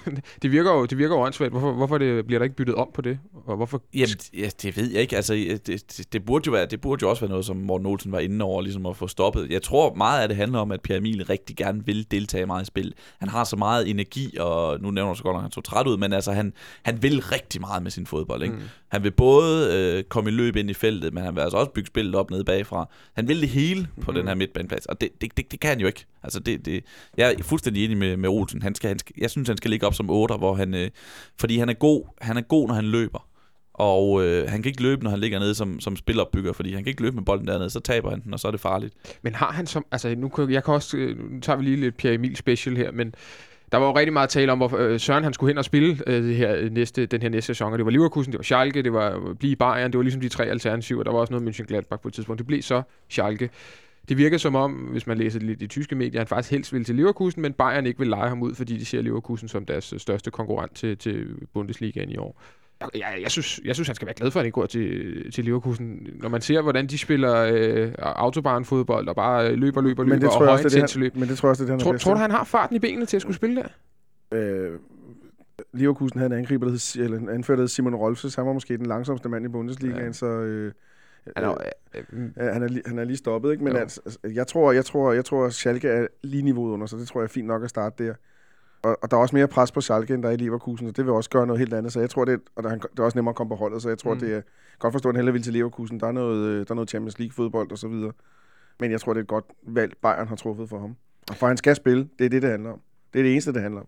Og egentlig kunne han også have spillet i Ingolstadt eller et eller andet. Han skal mm. bare spille. De her positive vinde, der lidt blæste sådan over øh, det her landshold tid, tidligere kvalifikation. Der kom nogle nye unge spændende spillere med øh, Højberg selvfølgelig, Josef Poulsen har du selv nævnt. Øh, Bentner begyndte at score mål. Sisto. Øh, Sisto, Lasse Vibe skal komme ind og gøre, lavede nogle gode indhops. Alt sådan noget. Det, det, det er lidt ud nu, efter de her to øh, 0-0 øh, kampe. Sebastian, hvor, øh, hvor efterlader det Morten Olsen alt det her, hvis han ikke får det her hold til en, til en slutrunde? Fordi det virker som om, at hele fodbold Danmark egentlig har regnet for den her kvalifikation som rimelig meget, altså måske ikke, måske at vi var ikke på vej til Frankrig, men vi var, vi var godt på vej til Frankrig. Ikke? Stod nede i Putgarden. Ja, vi stod måske i Puttgarden. Øh, Morten Olsens øh, 16 år som landstræner bliver jo ikke defineret af den her kvalifikation, men det vil være en, en trist måde at slutte på, øh, hvis, hvis, hvis landsholdet ikke kvalificerer sig. Fordi det vil, nu, nu, nu, nu tredje gang, jeg siger det, det vil pege tilbage på ham. Mm. Vi har jo netop været enige om, at nu er der kommet nogle nye og spændende spillere. Altså nu, nu, nu kan man ikke kun klage over materiale længere, i, i, fordi man har fået... Øh, Bentner score, altså for første gang nogensinde scorer flere mål i, for Wolfsburg, end han gør for, øh, På altså for, for, på landsholdet, ikke? Ja. Ja. Og man har de her, de her U21-drenge, der kommer ind sidste uge. Vi har lige nævnt dem. Øh, øh, og som alle sammen, man, man kan se talentet helt klart. Og, og det er ikke blevet forløst på et eller andet hold. Altså, det, det blev forløst, forløst for sent som for, for tre måneder siden, hvor de spillede en rigtig fin kamp mod Serbien og vandt, øh, vandt sikkert der. Og så øh, tre måneder senere, så spiller vi to kedelige, kedelige og dårlige kampe mod Albanien og Armenien. Det ser jo dumt ud. Altså, det, og, og det ser uforklarligt ud. Hvor- Hvordan kan, hvordan kan spillere, som vi for tre måneder siden var enige om, var så gode, hvordan kan de lige pludselig være så dårlige? Har det måske også noget at gøre med, øh, Thomas, at, øh, at de måske ikke er så gode igen? Altså er der en tendens til, at hver gang en dansker øh, kommer ud og spiller lidt øh, i, nogle, øh, i nogle klubber i Europa, eller vi har en Sisto, som gør det rigtig godt herhjemme, og der bare snakker om nogle udlandske klubber, så har, bliver de måske hypet lidt mere, end, øh, end hvad, hvad godt måske er. Eller er det bare min egen lille lommefilosofisk analyse? Mm, Jeg er enig i den øh, analyse i hvert fald. Øh, Sebastian selvfølgelig undtaget, men, men den danske vinkel på, på vis historie, hvis man følger den sådan øh, ret blindt, så får man sådan lidt øh, forskruet øh, opfattelse af, hvordan verden egentlig hænger sammen. Man kan da sagtens have den anskuelse, at, øh, at så gode spillere har vi egentlig heller ikke. Er, det- køber du den, Sebastian? Ja, til en vis grad. Altså, der, er- men det, jeg tror jo, at det sker i alle- lande. Det tror jeg altså, også. Jeg tror ikke, det er et dansk nej, det er fænomen. ikke det er et dansk fænomen. Det sker i alle lande, hvis man har et talent, så bliver han hypet helt vildt. Men hvis vi tager Pierre Emil, Mm. øh, hvis vi tager Pione Sisto for eksempel, øh, Yusuf Poulsen også for den sags skyld, det er jo altså ikke kun spillere som danskere hyper. Det er jo for eksempel før U21 EM, var det jo spillere, der var på alle de her famøse Det er også Yusuf talentlister. Poulsen, som, øh, så vidt jeg kan se, ikke spiller fast fast nede i Leipzig i øjeblikket. Jeg er godt klar over, at de kører købt rigtig mange spillere mm. her i sommer, og der bliver virkelig sat. Men det er jo ikke sådan, han er jo ikke den spiller, der skal bære dem i Bundesligaen øh, øh, alene. Eller hvad man siger. Det er jo ikke ham, det er bygget op om og sådan noget. Jeg, jeg synes, han svinger for meget. Altså, det jeg, skal ikke, jeg, skal ikke, øh, jeg skal ikke komme og påstå, at jeg ser anden Bundesliga hver uge, men, altså, men han, var, han, spiller, han laver det her fremragende mål mod, øh, mod Serbien inde i parken. Så tager han til 21 VM, sætter ikke en fod rigtigt. Mm. Mm. Så kommer, bliver han skiftet ind mod Albanien øh, og, og spiller fremragende. Mm. Mm. Der, der viste han...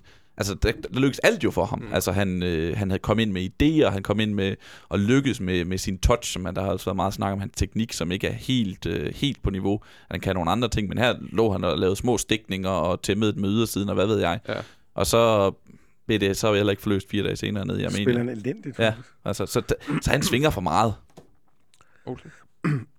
Jeg synes næsten, den værste ting, Morten Olsen gjorde i de her to kampe, det er en, jeg har stjålet fra Jesper Helmin for øh, gode vennerprogrammet, kan man God sige. vennerprogrammet. Så det må du godt. Det er, da Simon Kjær bliver skadet, så, øh, og vi, vi jagter et mål for Geus, mm. så skifter han øh, Erik Svirchenko ind og rykker Daniel Akker op i angrebet. Mm.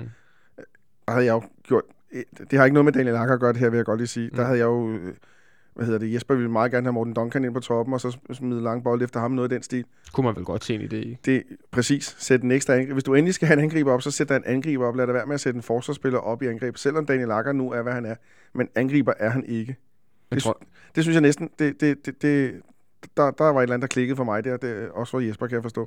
det er fuldstændig håbløst. Det er taktisk... Øh, jeg ved ikke, hvad meningen var med det. og så fik Og, vi... og specielt med en Duncan, som jo er kendt for at kunne stille sig ind i feltet, og så Ja. kan den ramme ham på alle kropsdele og springe i mål. Ikke? Jo, jo, det ser jeg jo. Øh, Øh, det, det var næsten det værste for mig. Der, øh, der slukkede jeg for fjernsyn, men kampen var også forbi, så det var sådan svært. ikke? Men altså, Og så fik vi Erik Svirchenko på banen med nummer, som midterforsvar med nummer 10 på ryggen. Ja. Det, det, holder jo ingen, det holder jo ingen steder. Nej, det går jo ikke. Nej. Det går simpelthen ikke. Det, er- det er simpelthen læste, stilistisk I, forfald. øh, læste I historien bag det? Nej. det? Det handlede om, at de andre havde faste numre, og så var der kun 10-tallet ledigt, Mm. fordi Eriksen ikke var med. Ja, han sagde det nede i mixzone, at det var, det var en tilfældighed. At, øh, Og det var det. Ja. Ja. Det er stadig, stadig en, en tilfældighed, der bare ikke måske, hvis du spørger mig. Det er simpelthen ikke i orden, at en midterforsvar spiller, spiller med nummer 10. Lige her til sidst, Morten Olsen stopper jo som landstræner i sommer. Det er afgjort. Det har han jo selv ligesom, øh, han har jo selv trukket stikket, kan man sige. Ellers var det nok blevet trukket for ham, kunne man gå ud fra. men, øh, men hvem skal være ny landstræner? Det, øh, der, der bliver kastet navne op hele tiden. Så er det... Ja, Michael Laudrup bliver ved med at være der, Kasper Julemand bliver ved med at være nævnt, men, men Åke Harreide, Lars Lagerbæk og Bob Bradley er tre navne, som er blevet smidt på banen her inden for det sidste stykke tid. Tre mand med stor succes. Øh, Tre mænd med stor succes, måske heller ikke nogen af dem, der lige sådan følger Og, og, den to, røde tråd. og, og to danskere uden arbejde. og to danskere uden arbejde, de to andre der. Ja, altså, hvor de to danskere måske repræsenterer den røde tråd og god fodbold, og på det ene eller andet, så er de andre jo øh, udpræget, øh, måske ikke udpræget 4-4-2, men, men øh, nogle af dem er i hvert fald altså mere, kan man sige, mere pragmatiske trænere, end vi måske har set være landstræner de sidste, de sidste 16 år, eller lang tid har Morten Olsen har været der. Sebastian, hvad forventer du? Øh, altså, Sig, du ved det. Kom ja, ja. Jeg har The Inside Scoop. Uh, breaking news her for uh, KBH Fan Radio. Ej, ej jeg, ved, jeg, ved ikke, jeg ved ikke, hvad det bliver. Det er jeg ikke sikker på, at der er nogen, der gør. hvad altså, håber du, og hvad tror du? Eller jeg, hvad jeg, jeg, jeg, jeg, jeg håber på julemand. Ja. Øhm, jeg synes, hver eneste gang, der er nogen, der siger øh, julemand, øh, så bliver der sagt, ah, men, men man, må, man må altså ikke glemme, hvad det var for nogle resultater, han lavede, da han var i, i, i Superligaen. Altså, han kom ind i sin første sæson i FC Nordsjælland og gjorde dem til dansk mester. FC Nordsjælland gjorde han til dansk mester. Var det hans første sæson i... F's første sæson som cheftræner, han blev forfremmet fra Morten Vihorst, der blev 21, Ja. ja. 21 landstræner. Jeg synes, han har resultaterne, og jeg synes, jeg kan sagtens se fornuften i at spille, spille eller vælge en træner, som har nogenlunde samme filosofi, som den landshold har Ikke nu. nogenlunde. Det er jo ham, der har designet den med den røde tråd Ja. Der. det er ikke helt designet, men han har i hvert fald været inde over nogle af de, de, de samme ting. Og det synes jeg er oplagt, fordi jeg kan ikke se pointen i, at hvis nu har vi... Så skal man jo aldrig lave om. Jo, man, skal, man, skal, man, skal, man skal twerke, man skal, man skal lave nogle... Jamen, Sådan, ikke, ikke, ja, okay, tweake, tror jeg, det var rigtigt sige. jeg skal sgu ikke twerke. Skal, skal vi lukke den her, tror jeg? Nej, øh, man, man, skal, man skal finpus. Ja. Jeg synes ikke, man skal lave radikal om, fordi hvad er så pointen med, at man har uddannet de her U-landsholdsspillere og, øh, og, og A-landshold efter den her røde tråd, den her spillestil i så mange år, og så siger vi, ah, det var en dårlig kvalifikation, nu smider vi det hele væk. Det Mm. går ikke. Det, det, det, det, er- det så er skulle ikke det jo sådan. være, hvis man føler, at man kan lave noget om, der vil kunne gøre det bedre. Altså hvis man har en idé om, at gå, gå i en anden retning, fordi det kan blive bedre, så, øh, så skal man, man skal vel ikke holde sig på et spor, bare Jo. for at holde sig på spor. Ja, man skal holde sig på sporet. Jo, det synes jeg, man skal, Okay. men man skal, man, skal, man skal tilpasse det spor, og selvfølgelig rette ind, hvor det er nødvendigt. Men jeg synes ikke, man skal gå radikalt over og sige, nu spiller vi 4-4-2 med lange bolde. Mm. Man, man bliver nødt til ligesom at... Og, altså, fordi ellers er det, det foregående arbejde er spildt, og vi kan ikke, man kan ikke garantere, at der kommer succes ud af at sige, nu er det 4-4-2, nu er det svensk 4-4-2. Mm. Mm. Det, det, det, det, det, det er der ikke nogen garanti for, at det bliver en succes. Overhovedet ikke. Uanset om man så henter Lagerbäck, det er en, der har gjort det godt på Island. Ja, jeg, er heller, jeg vil sige, jeg er heller ikke på Lars Lagerbäck vogn, for det er virkelig øh, noget at være træner Mr. for Island. Volvo. Ja, at være træner for Island og være træner for, øh, for, for Danmark er trods alt... Øh, Han er også træner for Sverige og Nigeria. Ja, ja, det er rigtigt nok, men altså i Sverige var det, var det jo heller ikke... Det var jo ikke altid, at man i Sverige synes, Lars Lagerbäck var verdens Det, fedeste jeg mener, træner. man synes, han spillede for kedeligt, så Ja, det jeg kan slet ikke godt tænke på, hvad der Altså, sker, hvis han kommer det til Danmark. jeg tror lidt, det, det vil være... Øh, Kommer til at sove rigtig Altså, godt. jeg tror lidt, det på samme måde som... øh, Hans Bakke har også et fantastisk godt eftermæle i FC København. De fleste folk husker ham som, som en, øh, en, en god træner. Vi fik fantastiske resultater, men guden skal vide, at vi også havde perioder med Hans Bakke, hvor vi spillede forfærdeligt kedeligt. Jeg tror lidt på samme måde, svenskerne har det med, med Lars Lagerbäck. Thomas, øh, hvilken, hvilken retning tror du, DBU går? Tror du, det bliver Kasper Juhlmann? Fordi det er jo måske det mest oplagte valg, især hvis Michael Laudrup ikke har lyst til at blive landstræner. Ej, Nu må, nu må have lidt uh, dissens ind i sådan et debatprogram. Så siger jeg, nej, det bliver ikke julemand. Øhm, kigge lidt i, uh, hvem, hvem, hvem, har, jamen, hvem har været landstræner tidligere, hvis man uh, ud fra samme logik før, som uh, FCK slår uh, OB, fordi det har vi gjort de sidste mange år, Mm.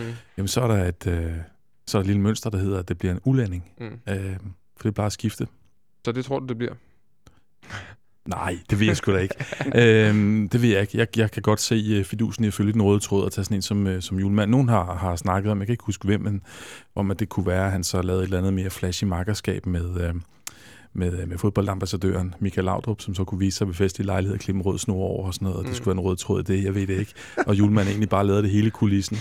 Øhm, jeg ved det ikke. Jeg ved, jeg ved heller ikke, hvor vigtigt det er. Det er nok meget vigtigt, men jeg ved, jeg ved ikke, hvor vigtigt det er i, øhm, på toppen af lavkagen, altså i, øh, på landsholdet, at, at have den røde tråd sådan fuldt, fuldt helt ud der, og man ikke kan have en, der er mere taktisk fleksibel i virkeligheden, om Altså- ikke det er sådan en sag for sig selv. Altså A-landsholdsfodbold handler vel for delen om at vinde og nogle fodboldkampe og få et hold til en kvalifikation. Ikke? Ja, altså, og for, for, nogen, for en gruppe mennesker bragt sammen på ganske kort tid, og få, øh, få klaret den kamp, eller de to kampe i Week of Football, man Mm. står over for. Og det er mere sådan, jeg Kasper, tænker, kan være mere noget på stedet, mere end det egentlig er sådan en lang proceslinje. Det, det kan godt være en lidt en intern anskuelse, tænker jeg. Ja. Ja, Kan- det er, ja, det er til debat. er Kasper Julemand øh, den person, som altså i en kvalifikation, hvor der er 8 eller 10 kampe, kan, kan få et hold til at, at toppræstere de der, ja, de der par gange ud over en, en kvalifikation, og virkelig være resultatorienteret. For, for mig slår han, altså det gjorde han jo, jo, det kan du så sige, det gjorde han jo i de der 33 runder med, med FC Nordsjælland, men for mig er han stadig måske lidt en, en, en procestræner på en eller anden måde, en, der godt kan lide at have øh, den daglige træning med, med, med spilleren på banen øh, hver dag. Er han, altså, kan du se ham i et landstrænerjob, hvor han skal kunne det, som Thomas der beskriver? Ja, det, altså om han er den mand, det ved jeg ikke. Det er der ikke nogen, der gør. Nej, altså, det ved han øh, nok heller ikke selv nej, i princippet. Men det, det, det, det gør vi jo ikke. Altså, Nej. det, det er jo gætterier. Øhm, men jeg synes, at nu siger du selv det her med, at det handler om at skabe resultater. Selvfølgelig handler det om at skabe resultater på et landshold. Men, men tanken er jo, at det er nemmere at skabe resultater med et A-landshold, som man ikke har hver uge. Øh, som man ikke træner med fem gange om ugen. Hvis de ved, hvad det er, de skal ind til. Mm. Altså hvis de, hvis de er skolet igennem mange år i at spille på en bestemt måde. Og det er jo det, der er tanken bag det. Bag det. Og det, det kan jeg sagtens følge. Og så ved jeg godt, at der er nogen, der er trætte af boldbesiddelse. Og jeg ved godt, der er nogen, der er trætte af at, øh, at, øh, at snakke om at spille smuk fodbold og så videre. Men jeg tror på, at det er, at, at, at det giver resultater at følge en bestemt tråd. Det, det er jo det, det, er jo det alle, alting viser. Ikke? Når Barcelona er så gode, som de er, så er det fordi, de spiller på den måde, som de gør, og har spillet på den måde, som de øh, har gjort i mange år. Og så kan bare selv Barcelona kan også rette nogle ting ind og ændre nogle ting, men, men filosofien er den samme. Og det, det, det, er, det er altså det, der skaber resultaterne. Det tror jeg på. Øh, Olsen, du øh, til sidst her, Kasper Julemand kører vi lige videre på, øh, inden, vi, inden vi, vi stopper helt for i dag, men øh, han, blev, altså, han fik meget kritik for, når så Nordsjælland kom i Europaspillet, fordi at de var dybt overmatchet. Øh, det, det, det tror jeg, alle havde regnet med, at de var, øh, på papiret i hvert fald. Men hans, hans, øh, hans taktiske tilgang til det, det var meget naivt og meget langt hen ad vejen. Og selv når de kom bagud med, med fem mål på Stamford Bridge efter 40 minutter eller eller andet, eller 20-20 minutter i anden halvleg, så, altså, så blev man med med at spille den ud nede bag, bagfra, og Stockholm mistede bolden. Altså, kan du forstå, hvis der sidder nogle øh, landsholdsaficionados derude og synes, at Kasper Julemand som landstræner vil blive, kunne hurtigt blive en kende for naivt? Altså, at han ikke har den der, måske taktiske sans. Ja, det kan jeg godt, men jeg tror også, det handlede om, at Julemand så sit hold, så ikke kunne spille på andre måder end det der. De kunne ikke stille sig ned i en 4-4-2 med zoneforsvar. Så ville det blive det samme resultat alligevel, så jeg tror, at han... Men skal en landstræner lige præcis ikke kunne flere ting, men bare kunne sætte sit hold ud og spille på en det, måde? det skal en landstræner kunne, men, Altså, vi- men, vi- men, det skulle en landstræner kunne, men han havde, de havde lige netop i FC Nordsjælland i mange år dyrket det element, der hed boldbesiddende spil, spil op nede bagfra. Så, så de, de, der kan du sige, der var de trænet til ikke at kunne på andre måder. Det, det fede, det gode hold kan jo skifte lidt efter omstændigheden. Din egne øh, Jose Mourinho kan jo godt spille på lidt forskellige måder, og det giver også resultater. Mm. Men jeg tror, at øh, deroppe, der havde de, der havde de valgt en, en, en så idealistisk spillestil og tilgang til fodbolden, og den stod de last og bræst ved, selvom det, og det gør de for stadigvæk, Mm. kan man sige. Mm. Nu er de bare ikke så gode spillere, så nu, Nej. nu ser det ikke så godt ud. Jeg tror da godt, Kasper Julemand kan overtales til at spille på andre måder, men jeg tror bare, at i den situation, på det tidspunkt, der var det det, der var det bedste. Altså 4-4-2 FC Nordsjælland, den var heller ikke gået, vel? Nej, Sebastian, du får sidste kommentar, du markerede. Ja, jeg, jeg kan sagtens se, at der er spørgsmålstegn ved Kasper Julemand. Har han nok af international erfaring, specielt det kontra de her andre navne, man kan sætte op, som har været landstræner før osv. Men man, man må ikke vurdere Kasper Julemand på, at FC Nordsjælland gjorde det dårligt i Champions League, fordi selvfølgelig gjorde FC Nordsjælland det dårligt i Champions League. Og som Olsen siger, jamen, de kunne jo ikke spille på andre måder. Altså, jeg synes jo, det, jeg synes jo lidt, det er en misforstået holdning, det der med, at hold, der spiller fodbold og gerne vil have bolden osv., at når det går dårligt, jamen så får de resultater, hvis de bare begynder at, at trække så langt ned og sparke bolden væk. Mm. Hvor, hvor, kommer den tanke fra? Så smider de netop bolden væk, så får de endnu flere angreb sig imod sig, og hvis de har et dårligt forsvar, som de havde, et, øh, et, et ustabilt forsvar, så vil de jo også få chancer imod. Så ja, det, jeg ser ikke den her, øh, den her meget omdiskuterede Champions League-deltagelse som, som det helt store øh, argument imod Kasper Julemand. Og så får du så lige aller sidste kommentar, Olsen. Bob Bradley. Bob Bradley, ja, den er også på. Og hvorfor Bob Bradley bliver landstræner, det må vi tage en anden god gang, fordi... Det, øh, det, nu, det er en øh, cliffhanger. det, er en, det er en lille cliffhanger. øh, for nu skal vi til at, at lukke ned for i dag. I skal have tusind tak, fordi I, I kiggede forbi til en lille times øh, snak her om øh, både landsholdet og FC København og den kommende Superliga-runde. Mit navn er Christian Williams, og i teknikken der sad Jonas Sand Folk og styrer det hele med hård hånd. Vi er tilbage på mandag, forhåbentlig med en masse snak efter en øh, dejlig sejr i parken på søndag over OB. Vi høres ved på mandag. Ha' det godt så længe.